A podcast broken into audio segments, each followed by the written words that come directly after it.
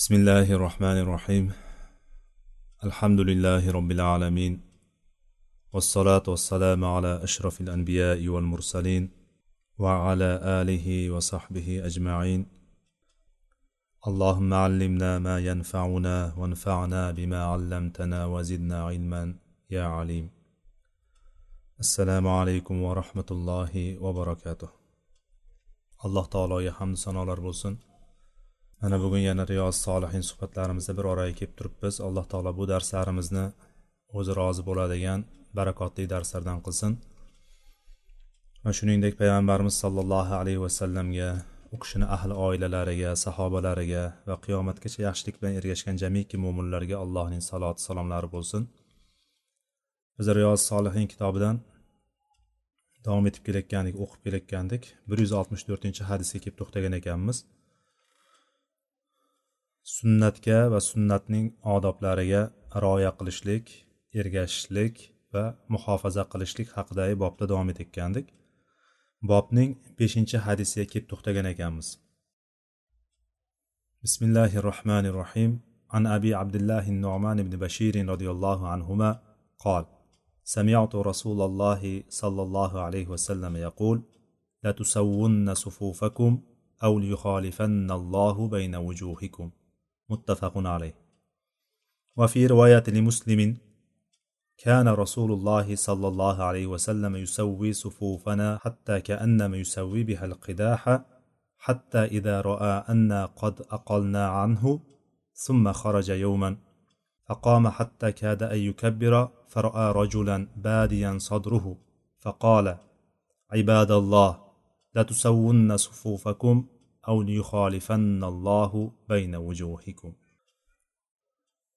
bu hadisni ikkita rivoyat bilan keltirdi imom navoiy rahimaulloh bittasi muttafaqun alayh hadis ya'ni buxoriy va muslimda ayni lafzlar bilan kelgan ayni yo'l bilan kelgan ikkinchisi bo'lsa faqat muslimning rivoyati bilan ya'ni bu hadisni to'ldiruvchi bo'lgan qismi bu hadisni qachon aytilgan nima sababdan aytilgan o'shani bayoni kelyapti o'shani ikkalasini bitta joyga keltirdi lekin hadisimizda matni asosi bitta imom navaviy rahimaulloh bu hadisni bu o'ringa keltirdiki payg'ambarimiz sollallohu alayhi vasallamni sunnatlari u kishini odatlarini bizga o'rgatishlik uchun va payg'ambarimiz sollallohu alayhi vasallamni buyurgan buyruqlariga muxolif bo'lishlikni oqibati nima bo'lishligini payg'ambarimiz sollallohu alayhi vasallamni tillaridan bizga bayon qilib beryapti.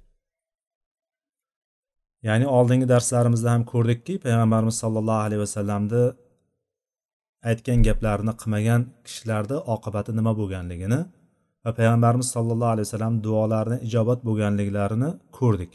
Mana bu o'rinda payg'ambarimiz sollallohu alayhi vasallam og'izla ya'ni gap bilan mana shu narsani anglatib ketyapti. Abu abdulloh kunyasi bilan tanilgan nomon ibn bashir roziyallohu anhudan rivoyat kelyapti. Nomon ibn bashir o'zi bu kishiga ozgina to'xtaladigan bo'lsak keyin hadisga o'tamiz. Bu kishi hijriy ikkinchi yilda tug'ilgan. Ya'ni ba'zi rivoyatlarga qaraganda e, madinaliklardan payg'ambarimiz sollallohu alayhi vasallam hijrat qilib kelgandan keyin ilk tug'ilgan chaqaloqlardan deb aytadi. Ya'ni payg'ambarimiz sallallohu alayhi vasallam madinaga hijrat qilib kelgandan ilk tug'ilganlardan biri deb aytishadi. Nomon ibn bashirni. Bu kishi abu abdulloh deb nomla tanilgan ekan. Shu kichkina bo'lishiga qaramasdan ya'ni bunday tasavvur qiladigan bo'lsak hozir e, bu kishi payg'ambarimiz sollallohu alayhi vasallam vafot etayotgan yillari sakkiz yosh atrofida bo'lgan. Hijriy ikkinchi yilda tug'ilgan bo'lsa payg'ambarimiz vafot etayotgan yillari sakkiz nari borsa to'qqizga o'tar o'tmas ya'ni sakkiz yosh bolani tasavvur qilaylik bir ko'zimizni oldiga keltiraylik. Sakkiz yosh bola ertaga katta bo'lgandan keyin mana shu hadisni rivoyat qilib beryapti. Ya'ni bu alloh taolo sahobalarni payg'ambarimiz sollallohu alayhi vasallamni ko'rishlikni u kishiga xizmat qilishlikni u kishiga ergashishlikni u kishiga yordam berishlik u kishini himoya qilishlik sharafini bergan butun insoniyat ichidan tanlab olgan kishilar hisoblanadi. Mana shu narsani biz tasavvur ko'ra olishligimiz kerak shu narsani. Chunki inson o'zi qaysi oilada tug'ilishligi qayerda tug'ilishligi qaysi millatda tug'ilishligi o'zini qo'lida emas. Agar qo'limizda bo'lganda edi nimalar qilmagan bo'lardik? Biz hatto ota onamizni o'zimiz tanlab ololmaymiz ya'ni shunaqa bir jonzotmiz ya'ni alloh taolo bizni shunaqa qilib yaratdiki biz hatto ota onamizni tanlay ololmaymiz men bu ota onadan tug'ilaman. Men bu xonadonda tug'ilaman yoki men bu urug'da tug'ilaman. Bu millatda tug'ilaman deydigan narsa bizga ixtiyor berilmagan. Tug'ilib ko'zimizni ochdik esimizni tanisak ota onamiz bor ekan. Hammani qaysi kim bo'lishidan qat'iy nazar inson zoti bor ekan hammasi mana shunaqa. Ya'ni sahobalarni demoqchi bo'lganim sahobalarni alloh taolo butun insoniyatni ichidan odam alayhissalom pushti kamaridan qiyomat kunigacha keladigan hamma insonlar uchun shunday terib payg'ambarimizga yordam bera oladigan payg'ambarimiz sunnatini himoya qila oladigan qur'on payg'ambarlik risolasini keyingi ummatlarga yoya oladigan kishilarni alloh taolo mana shunday tanlab tanlab oldida o'sha o'ringa qo'ydi. Bu o'ringa hech kim yeta olmaydi. Illo yetish mumkin bo'lgan payg'ambarimiz sallallohu alayhi vasallamni yonida bo'lishligi bilan yetishi mumkin. Boshqa hech kim yeta olmaydi bu o'ringa. Bu narsa aniq keskin narsa bu narsa. Qat'iy narsa. Bu kishi ham mana qaraylik sakkiz yoshli bola. Buni tengdoshlaridan abdulloh ibn abbos bor. Sal kattaroq bundan. To'rt besh yosh katta abdulloh ibn abbos bor. Keyinchalik ummatda olimlardan bo'lgan. Mana bu kishi ham payg'ambarimiz sollallohu alayhi vasallamni yoshligida eshitgan narsasini aytib beryapti. Bu kishi hazraj qabilasidan. Nomar ibn bashir hazraj qabilasidan madinalik ya'ni. Hazraj qabilasidan noman ibn bashirni otasi ham onasi ham sahobalardan bo'lgan. Otasi bashir ya'ni noman ibn bashir deyapmizku. Bashirning o'g'li nomon degan ya'ni otasini ismi bashir bo'lgan. Bashir ikkinchi aqaba bayatida qatnashgan kishilardan biri ya'ni katta sahobalardan. Noman ibn bashir roziyallohu anhu bir yuz o'n to'rtta hadis rivoyat qilgan ekan. Payg'ambarimiz sollallohu alayhi vasallamdan bizgacha bir yuz o'n to'rtta hadis rivoyat qilgan ekan. Oltmish to'rtinchi yilda vafot etadi ekan bu kishi. Humusda. Hims deymiz yoki humus deymiz. O'sha joyda vafot etadi ekan. Alloh taolo bu kishidan rozi bo'lsin. Bu kishi bizga aytib berayotgan hadisda payg'ambarimiz sollallohu alayhi vasallam aytdilarki sizlar yo saflaringizni tekislaysizlar saflaringizni barobar qilasizlar to'g'irlaysizlar yoki agar qilmaydigan bo'lsalaring alloh taolo sizlarni yuzlaringni bir biriga muxolif qilib qo'yadi. Yuzlaring bir biriga teskari qilib tashlaydi dedi. Bu muttafaqun alayhi hadis. Bu hadis qachon aytildi? Nima sababdan aytildi bu? Payg'ambarimiz sollallohu alayhi vasallam bekordan bekorga bunaqa qattiq ogohlantirish bermaydigan kishi. Payg'ambarimiz sollallohu alayhi vasallam sahobalarga din odoblarini shariat odoblarini shariatimizda qilinishi kerak bo'lgan narsalarni bitta bitta so'zma so'z ba'zi joylarda so'zma so'z o'rgatardi xuddi qur'ondan oyatlar o'rgatayotgandek o'rgatardi ba'zi narsalarni ya'ni har bir narsani chunki yigirma uch yil davomida din mukammal bo'lgan bo'lsa payg'ambarimiz sallallohu alayhi vasallam payg'ambar qilib kelgandan boshlab turib ya'ni shunaqa bir badaviy ya'ni shunaqa bir dashtlik qishloqlik e, qishloqi deymizmi dashtlik deymizmi ya'ni umuman madaniyatdan m harf ham bo'lmagan qavm ustiga kelgan payg'ambar sollallohu alayhi vasallam yigirma uch yilda dunyodagi to qiyomatgacha keladigan eng madaniyatliman deganlarni madaniyatli insonlarni chiqarib qo'ydi yigirma uch yil davomida. Bu narsa o'z o'zidan bo'lgani yo'q. Insonlar kiyim kiyishligini qayerga borib qanday bovul qilishligini yo bo'lmasam shunday shunaqa darajada insonlardi bular. Axloqiy jihatdan eng tuban joyda bo'lgan insonlarga payg'ambar bo'lib kelgan kishi u kishi o'sha yerdagi badxul xulqlarni hammasini bitta qolmay yo'q qilib tashladi. Makarimul axloq deganimiz xulqlarni eng mukarram bo'lganlari eng chiroyli xulqlarni payg'ambarimiz sallallohu alayhi vasallam tamomladilar. Mana shu jumladan mana shu shariat odoblari shariatdagi qonun qoidalar hammasini bitta bitta o'rgatdilar. Mana shu saflarda turishlikni ham payg'ambarimiz sallallohu alayhi vasallam tavsiya qilib bitta bitta orqasidan kuzatib birma bir o'rgatdilarki sahobalarda shu narsa shakllandi. Payg'ambarimiz sallallohu alayhi vasallam ibn umardan hadis keladi. Payg'ambarimiz sallallohu alayhi vasallam aytdilarki saflaringizni xuddi maloikalar allohning huzurida saflangandek saflaninglar dedilar. Soffu kama tasifful malaika inda robbihim dedi. Ya'ni robbilarini huzurida turgandek allohni huzurida farishtalar qanday saf tortsa sizlar ham xuddi shunday saf tortib turinglar dedi. Shunda sahobalar so'rashdiki yo allohni rasuli ya rasululloh. Ular maloikalar farishtalar ollohni huzurida robbilarini huzurida qanday qilib turib saf tortadi o'rgating bizga deyishdi. Kayfa tasufful malaikatu inda robbihim? Ular qanday qilib turib saf tortadi deyishdi. Payg'ambarimiz sollallohu alayhi vasallam aytdilarki yuqimuna sufufa va بين bayna ular saflarini to'g'irlaydilar. Saflarini tep tekis qiladilar va yelkalari yelkalariga bo'lib turadi dedilar. Ya'ni shunaqa bo'lib turib yelkama yelka jamlanib saf tortib bir tekis turadi dedilar. Mana shu turishlikni allohni huzurida farishtalar qanday tursa sizlar ham namozda mana shunday turinglar dedilar. Hatto namozdan tashqari holatlarda ham payg'ambar sollallohu alayhi vasallam jihod maydonlariga jihodga olinayotgan kishilarni saf tortayotgan paytda o'sha saflarga ham qattiq e'tibor berganlar. Oyatda ham shuning uchun alloh taolo maqtab aytganki o'shalarni shunday bir ulug'lab o'shalarni maqtab faxrlanib aytadiki alloh taolo ollohni yo'lida jihod qiladigan ya'ni kaannahum bunyanun marsus ya'ni qad rostlab turgan yonma yon turgan binolar deb aytganlar bor. Ba'zilar binoni ichiga quyiladigan boyagi qo'rg'oshinday quyilib bir biriga bitishib ketganday o'sha bitishgan binolar deb tarjima qilgan. Ya'ni qanday holatda bo'lsa ham o'shani alloh taolo maqtayotgan joyi o'sha bitishgan yonma yon turgan saf tortib binolar qimirlamaydi bilamiz binolarda agar shunday qursa uylarni hammasi bir tekis turadi tekislab quraydigan bo'lsa. O'shanday bo'lib turib ollohni yo'lida jihod qiladiganlarni alloh taolo yaxshi ko'rdi deb keldi. Ya'ni payg'ambarimiz sollallohu alayhi vasallam jihodda saflarni ham tekislashga ahamiyat berdi namozda qattiq ahamiyat berdilar. Va o'sha narsani o'rgatdilar birma bir har bittasini bitta bitta o'rgatdilar va boshqa bir hadisda aytadilarki payg'ambarimiz sallallohu alayhi vasallam imom buxoriyni rivoyatlarida keladi anas ibn molikdan rivoyat qilingan. Saflaringizni tekislanglar. Aqimus sufufa. Saflarni tekislanglar to'g'irlanglar. Fa inni arokum xalfa zohri deganlar. Chunki men dedilar orqa tarafimdan ko'rib turaman sizlarni dedilar. Bu payg'ambar sallallohu alayhi vasallamga berilgan xususiyatlardan bittasi bu. Payg'ambarlikka payg'ambarimizga berilgan xos narsalardan bittasi.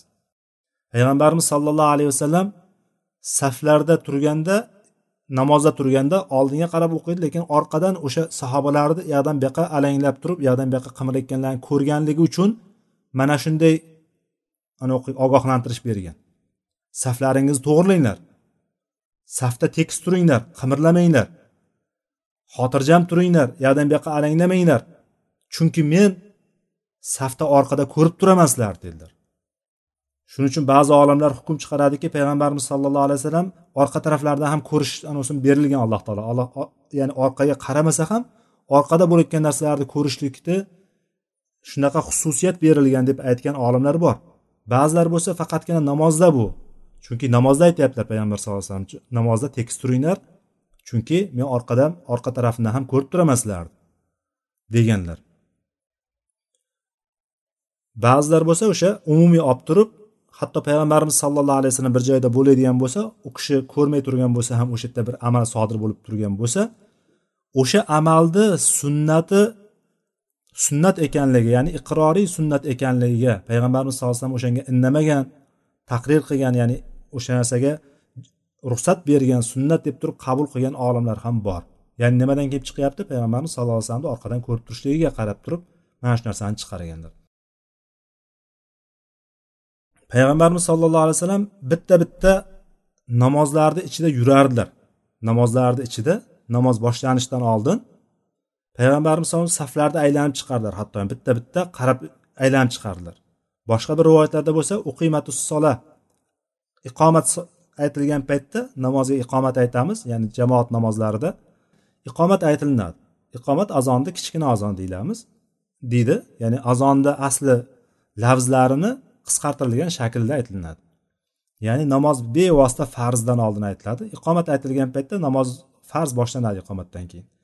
Payg'ambar sallallohu alayhi vasallam o'sha iqomat aytilgan paytda bizga burilardilar deyapti. Bizga qarardilar va aqimu sufufakum va tarossu fa inni arokum min varoi zohri deganlar. Saflaring tep tekis qilinglar. Bir tekis turinglar. Chunki men orqa tarafimdan ham ko'rib turaman deb aytib qo'yardilar o'sha namozda turgan paytlarida va saflarni tekislanglar chunki bu namozni mukammal qiladigan narsa deganlar payg'ambarimiz sallallohu alayhi vasallam. Saflarni tekis qilinglar. Fa inna iqomata sof min husni sola deganlar payg'ambar sallallohu alayhi vasallam. Ya'ni namozda saflaringizni tep tekis qilinglar. Barobar qilinglar. Fa inna iqomata sof chunki saflarda tep tekis bo'lib turishligi namozni mukammal bo'lishligidan namozni go'zalligidan chiroyligidan deb aytganlar men husni sola ya'ni namozni go'zal ado etilishligidan savoblarni mukammal olinishidan deb turib payg'ambarimiz sallallohu alayhi vasallam aytganlar. O'shani sababini ham orqasidan aytib qo'yganlarki ya'ni insonlar o'shanga intilsin. Namozlarini safda turganda jamoat namozlarida mukammal bo'lishligi harakat qilsin deb turib payg'ambarimiz shu narsani o'rgatganlar. Undan keyin payg'ambarimiz sallallohu alayhi vasallam boshqa bir rivoyatlarda aytadiki fa inna tasviyata sufuf min iqomati sola deb aytadilar.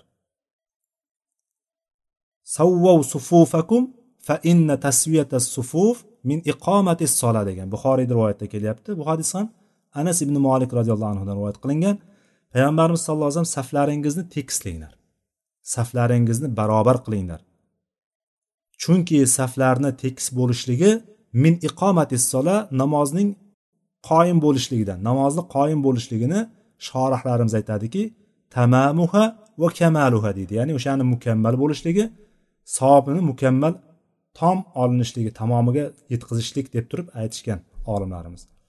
Endi saflarda qanday turiladi? Ho'p endi biroz mana shu bobga kirganligimiz uchun bir saflarni ham biroz odoblarini aytib o'tib ketsak maqsadga muvofiq bo'ladi. Payg'ambarimiz sallallohu alayhi vasallam avvalgi saflarni to'ldirishlikka targ'ib qilganlar.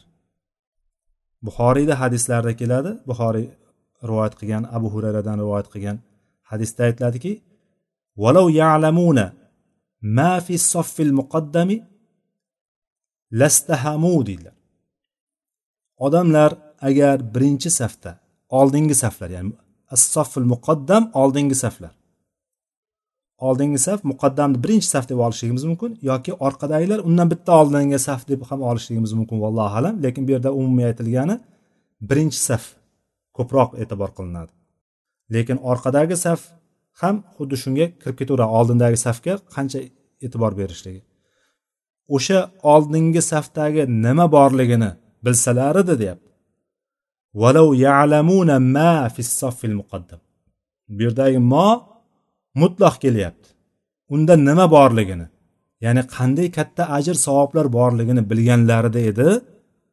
Odamlar erta kelishga harakat qilardida o'sha yerga agar ikki kishi barobar kelib qoladigan bo'lsa uch kishi barobar kelib qoladigan bo'lsa bitta joyga o'shalar o'rtalarida o'z o'zaro bir qur'a tashlab turib o'sha yerga kirishardi. Qur'a tashlab turib o'sha yerga o'tishligi uchun ya'ni chunki talashib qoladi bittasi o'tiradigan bo'lsa ikkinchisi ranjib qolishligi mumkin. Tortishib qolishligi mumkin. O'sha o'rtasida men o'tiraman men o'tiraman deb talashib turgan paytda o'rtada bir qur'a chekib o'sha yerga qaysi biriga qur'a chiqadigan bo'lsa o'sha yerga o'tirishlikka odamlar harakat qilgan bo'lardi deyilgan hadisda. Ya'ni saflarda avvalgi saflar e'tibor qilinadi avvalgi saflarga harakat qilinadi avvalgi saflarni to'ldirishlikka e'tibor qilinadi. Shuning uchun erkaklarni saflarini eng yaxshilari oldingi saflar deyilgan. Ayollarni eng yomoni bo'lsa oldingi saflar deyilgan. Chunki erkaklarni orqasidan turgan bevosita. Hozirgiday e, masjidlarda e, agar ayollar chiqadigan joylar bo'ladigan bo'lsa ayollarniki alohida joylarda bo'lmagan. Shu bevosita erkaklarni orqasidan keyin bolalar turgan bolalardan keyin ayollar turgan. Shunaqa saf tortilgan. Ayollarnikini oldingi saflarini yomon bo'lishligini bitta xislati bu ham bo'lsa shu erkaklarga yaqinroq turganligi uchun. Ayollarni saflarini yaxshisi orqadagilar endi men orqada turaman deb turib kirib olib masjidga kirgandan keyin ham kutib turishlik emas endi kelgandan keyin o'sha safga turadi u. Safni boshidagi safni to'ldirishlik kerak. Safni oldindagi saf ochiq qolib turib orqadagilar o'tiradigan bo'lsa orqadagilar namozida nuqsonlik bo'ladi. Oldingi saf to'lmasdan turib orqadagi saflarga o'tiriladigan bo'lsa o'sha namoz orqadagilarni namoziga nuqsonlik yetadi. Shuning uchun avvalgi saflarda qayerda bo'sh joy bo'lsa o'sha bo'sh joylar birinchi to'ldirilishligi shart. To'ldirib boriladi. Safda turganda bo'lsa ikkita joyi bilan. Bittasi shu yelka bo'ladigan bo'lsa ikkinchisi to'piq. Yelka bilan to'piqlar ayni hizoda bo'lishi kerak ya'ni ayni tekislikda ayni chiziqda bo'lishlik kerak. Yelkalar teng turishlik kerak va oyoqlar bir joyga turishlik kerak. Yelkalarni bir biriga tekkizib turiladi. Payg'ambarimiz sollallohu alayhi vasallam aqimu sufufakum fa inni arakum min varoi zohri degandan keyin payg'ambarimiz sallallohu alayhi vasallam yuqoridagi hadisda anas ibn molik aytib beryaptilar saflaringizni tep tekis qilinglar to'g'irlanglar chunki men orqa tarafimdan ham sizlarni ko'rib turaman degandan keyin va kana ahaduna yulziqu mankibahu bimankibi sohibihi va qadamahu bi qadamihi deganlar. Yonma yon turgan paytimizda shunaqa turardiki yelkamiz yelkaga yonidagisini yelka ya'ni ikki tarafdagi e, kishini yelkasiga yoki eng chekkada bo'ladigan bo'lsa bir tarafda bo'ladi. Ho'p yonidagi sohibini yonidagi sherigini yelkasiga yelkasini oyog'iga oyog'ini yopishtirib turardi deb keladi. Ya'ni safda turishlikni odobi mana shu. Orada joy qoldirmasdan bir biri bilan mana shunaqa siqishib turadi. Ya'ni bir biriga yaqin turadi shunaqa. Endi payg'ambarimiz sollallohu alayhi vasallam mana shunaqa qilib turib doim eslatib o'rgatib keldilar.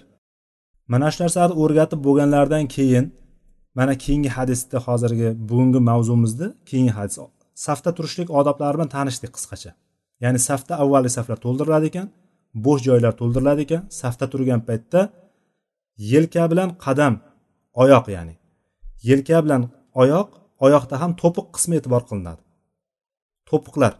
Mana shu tahoratda yuviladigan to'piqlarimiz barobar bitta chiziqda turishlik kerak. Safda ikkinchi safda rakat birinchi rakatni o'qidik. Birinchi rakatni o'qigandan keyin sajdaga borib kelgandan keyin odamlar saflari bir buziladi. Ba'zilar orqaga ketib qoladi ba'zi oldinga ketib qoladi o'sha joyda qolib ketadi. Bu xato narsa. Yana joyiga qaytib kelib turib olishligi kerak. Yana avval qanday boshida qanday turgan bo'lsa xuddi o'shanday turishligi kerak. Xullas mana shunday qilib turib bitta bitta o'rgatdilar payg'ambarimiz sallallohu alayhi vasallam. Imom muslimni rivoyatida payg'ambarimiz sallallohu alayhi vasallam saflarimizni deyapti. Bitta bitta to'g'irlab chiqdi. Nomon ibn bashir aytyapti buni. Saflarimizni bitta bitta to'g'irlab chiqdi qachongacha? Qachonki biz o'shani tushunib yetganimizcha safda demak namozda turadigan bo'lsa safda to'g'ri turish kerak ekan. Saflar tekis turishligi kerak ekan degan bizdagi tushuncha paydo bo'lgunicha o'sha narsa bizga o'rnashguncha odatga tusiga kirgunicha bizga o'sha narsani o'rgatardilar tekislardilar. Hattoki o'qlarni tekislaganday mana kamon o'qi borku. Kamon o'qini orqa tarafidagi patlarini tekislaganday. Chunki patlarni bir tekis kesadi. Patlar bittasi chiqib turgan bittasi kirib turgan bo'lmaydi. Kamonni orqasidagi o'qlarni patlari bir tekis kesilmaydigan bo'lsa bir tekis uchmaydi ham u. O'shani orqasidagi kamon o'qini tekislaganidek tekislardilar dedilar ya'ni o'shani yasayotgan odamlar juda e'tibor bilan hammasini nuqta berilguncha xuddi kesgandek qilib bitta chiziq bilan kesadi. Xuddi hozirgi kundagi taroqlarni misol qilishligimiz mumkin. Taroqlarni oladigan bo'lsak tekis turadi.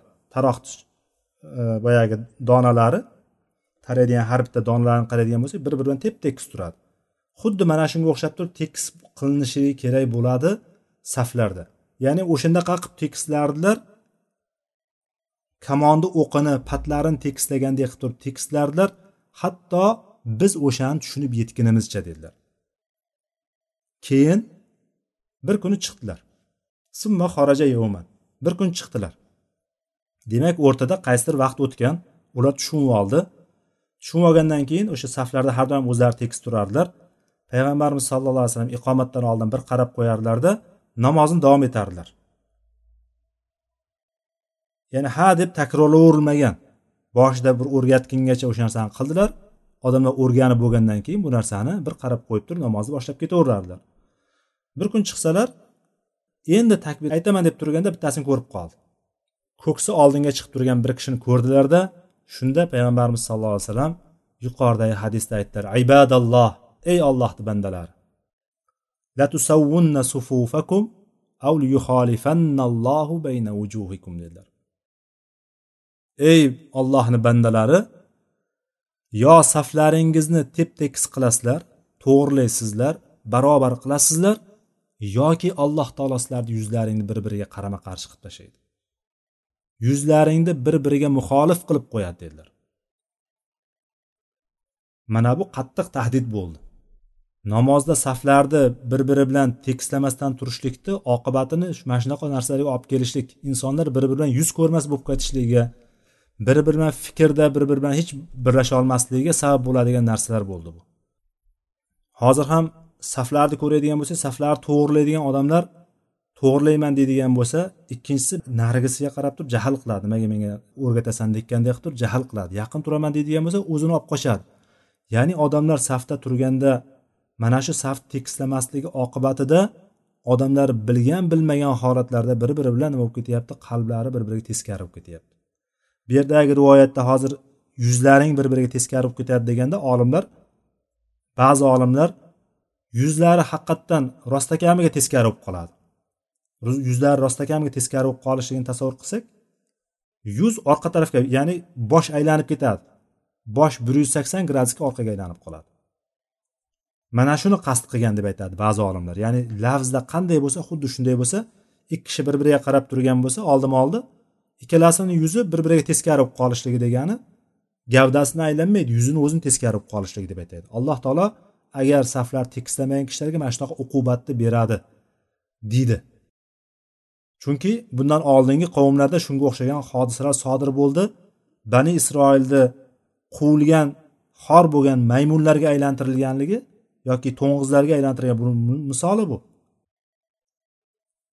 Xuddi mana shunga o'xshab turib yuzni rostakamiga shunaqa teskari bo'lib qolishligini aytsa ba'zi olimlar yo'q bu yerda aytilayotgan narsa ma'naviy jihatdan.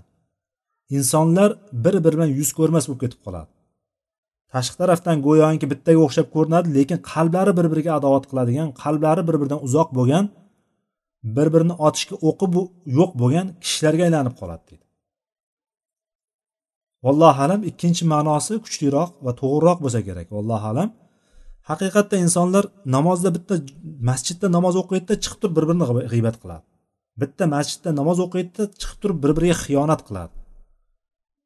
Ya'ni buni sababi nima bo'lyapti? Buni sababi bittayu bitta shu namozdagi biz arzimas ko'rayotgan narsamiz lekin bitta bu katta sunnat. Chunki yuqorida ko'rdikki sunnatdagi odoblarni payg'ambarimiz sallallohu alayhi vasallam juda qattiq e'tibor berib bitta bitta o'rgatganliklari ana endi o'rgatib bo'lgandan keyin ham kimdir mana shunday qiladigan bo'lsa bilib turib kim qiladigan bo'lsa alloh taolo mana shunaqa uqubatni berishligini bu hadis bizga o'rgatyapti. Ho'p undan keyingi hadis bobning oltinchi hadisi bir yuz oltmish beshinchi hadis ekan an abi musa roziyallohu anhu qol احترق بيت بالمدينة على أهله من الليل فلما حدث رسول الله صلى الله عليه وسلم بشأنهم إن هذه النار عدو لكم فإذا متم فأطفئوها عنكم متفق عليه hadis abu muso al ashariy roziyallohu anhudan rivoyat qilinyapti bu hadis bir kecha madinada bir uy ichidagi odamlari bilan qo'shilib yonib ketdi. Bir uy ichidagi odamlari bilan qo'shilib yonib ketdi. Alloh saqlasin. Keyin bu narsani payg'ambari sallallohu alayhi vasallamga bo'lib o'tgan narsalarda xabar berilganda mana shunaqa holat bo'ldi deganlarda payg'ambarimiz sollallohu alayhi vasallam aytdilarki inna hadihin naro aduvullakum bu o't dedilar bu olov dedilar sizlarni dushmanlaringizdir. Faida mittum shunday ekan sizlar uxlamoqchi bo'lsalaringiz uxlaydigan bo'lsalaringiz faatfiuha ankum o'chirib yotinglar uni dedilar. Ya'ni olovni o'chirib yotinglar dedilar. Ba'zi rivoyatlarda shu sichqon kelib turib o'shani dumi bilan yoqqa bu yoqqa o'tni tashiganligi shuni orqasidan olov chiqqanligi rivoyatlari keladi. Masalan shu sichqon o'tni ulashtiradi olovni ulashtiradi yoqdan bu yoqqa deb turib aytiladi. Ya'ni bu hadisdan biz ko'ramizki bitta payg'ambarona bitta odobni o'rganamiz bundan. Hadisimizni boshi nima edi? Bobda sunnat va undagi odoblarni muhofaza qilishligida ergashishligida ergashishlik edi o'shanga. Bobimizda nomi ham shu. Imom navaviy rahimaulloh ham mana bu o'rinda bitta payg'ambarona odobni bizga o'rgatib ketyapti. O'zi aslida hamma narsani alloh taolo yaratdi. O'shani ichida olovni ham yaratdi. Olovni yaratganligi biz o'shandan foydalanishligimiz uchun. O'shandan foydalanib turib hayotimizni tirikchiligimizni o'tkazishligimizga katta foydasi tegadigan bir narsa bu olov lekin olov mana hadisdan ko'rinyaptiki inna hadihi naro lakum. Bu o't bu olov sizlarga dushmandir dedilar. Olovni dushmanligini boshqa tarafi ham bor. Olovni dushmanligini boshqa tarafini biz bir eslaydigan bo'lsak shayton meni olovdan yaratding uni esa loydan qora balchiqdan yaratding deb turib davo qiladi. Ya'ni shayton olovdan yaratilgan. Shaytonni dushmanligi qaysidir jihatda mana shu olovning dushmanligiga o'xshagan taraflari ham bor vallohu alam bu yerda o'shanga ham ishora bor. Va bu olov o'ziga bir imkoniyat berib qo'yiladigan bo'lsa qandaydir sal yo'l topilib qoladigan bo'lsa hamma tomonida yonib kuydirib bitiradi bu. Olov agar bir narsani yoqib tugatadigan narsani topolmasa o'zini o'zini yoqib tugatadi. Olovni shunaqa xususiyati bor. Agar olov bir narsani yoqmasa o'zini o'zi yoqib tugatadi. Bu narsadan to'g'ri foydalanadigan bo'lsa bo'ladi. Chunki alloh taolo nahnu jaalnaha tazkirata va mataan lil muqvin degan. Alloh taolo biz bu olovni tazkira bo'lishligi uchun ya'ni sizlarga eslatma bo'lishligi uchun qildik.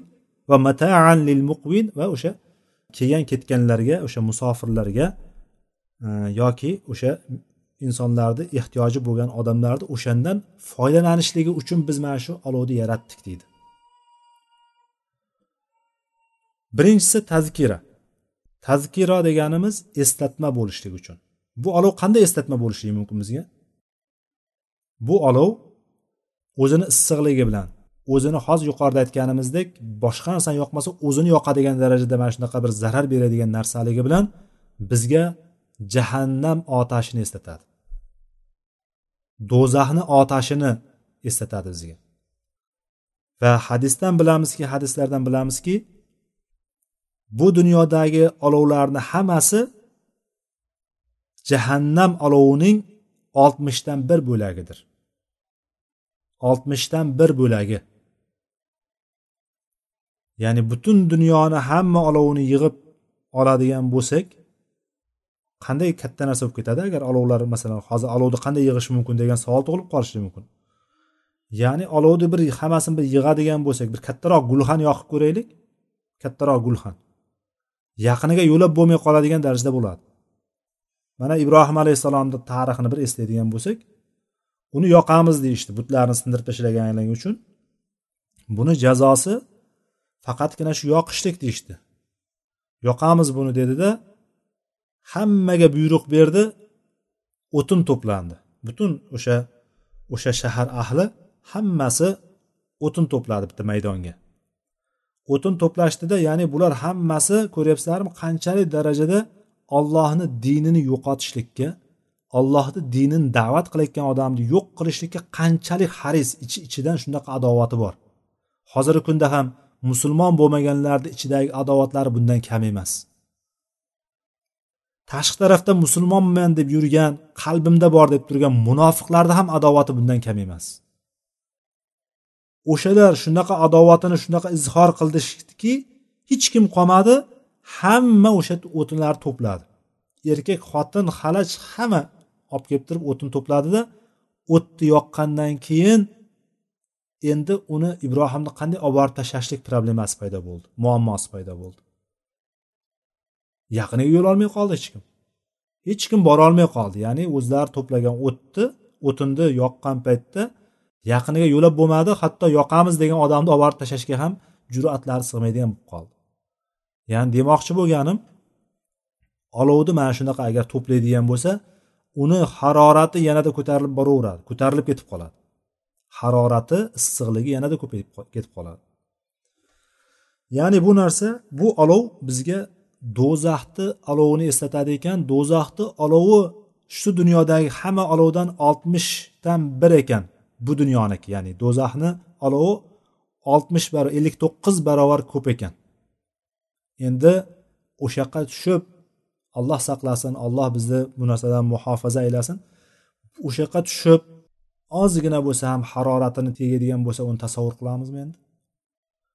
Ularga qo'llariga bir idishda ichimlik beriladi deydi. Qaynab turgan ichimlik beriladi. Hali yuzlariga olib kelgani yo'q ichgani yo'q uni. Sovuq narsa yo'q o'zi yerda salqin narsa yo'q. Shunday yuziga olib kelgan paytda o'shani issig'idan yuzlari terisi shirin tushadi deb keladi oyatda. Yashvil vujuh yuzdagi terlarni pishirib tashlaydi archib tashlaydi. O'shani haroratidan endi uni ichishini tasavvur qilyapmizmi?